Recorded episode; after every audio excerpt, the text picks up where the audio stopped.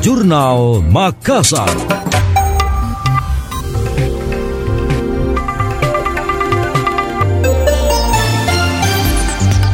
Badan Cyber dan Sandi Negara BSSN bersama pemerintah Provinsi Sulawesi Selatan bersinergi membangun kesiapsiagaan dalam menghadapi serangan cyber. Salah satunya dengan meluncurkan aplikasi Pusat Informasi Layanan Aduan Cyber dan Pesandian Pemprov Sulsel atau disebut Pilar.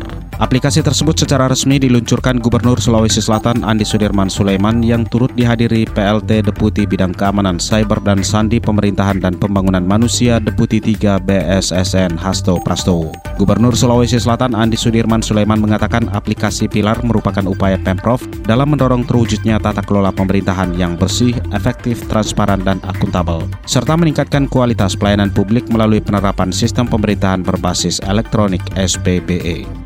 Dalam kesempatan tersebut, Hasto Prastowo selaku PLT Deputi 3 BSSN memberikan apresiasi kepada Pemprov Sulawesi Selatan. Pasalnya Dinas Komunikasi Informatika, Statistika dan Persandian Sulsel sejak tahun 2019 bertindak sebagai perpanjangan tangan pemerintah pusat, telah mengkoordinasikan dan mengajak seluruh kabupaten kota di wilayahnya untuk melaksanakan PKS pemanfaatan elektronik.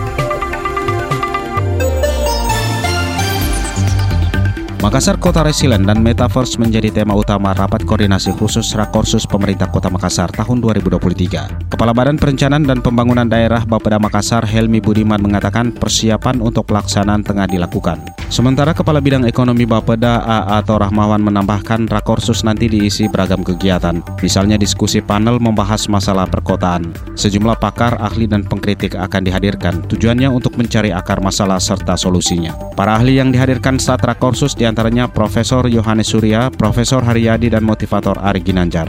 Mereka akan membawakan materi Human Resources for Metaverse, Global Metaverse, dan Behavior Resilience. Rahmawan menjelaskan kegiatan juga menjadi ajang evaluasi program pemerintah yang telah berjalan, misalnya penerapan Makassar menuju kota Metaverse dan Sombere and Smart City. Di tempat sama, Kepala Bidang Informasi dan Komunikasi Publik Diskominfo Kota Makassar, Isnahnia Nurdin mengatakan siap menyukseskan pelaksanaan Rakorsus 2023 dengan memberi memberi dukungan infrastruktur teknologi informasi, komunikasi, dan layanan lainnya. Dia juga mengatakan media memiliki peran yang penting dalam menginformasikan kepada publik serta merupakan mitra strategis untuk mempublikasikan poin penting Rakorsus nanti.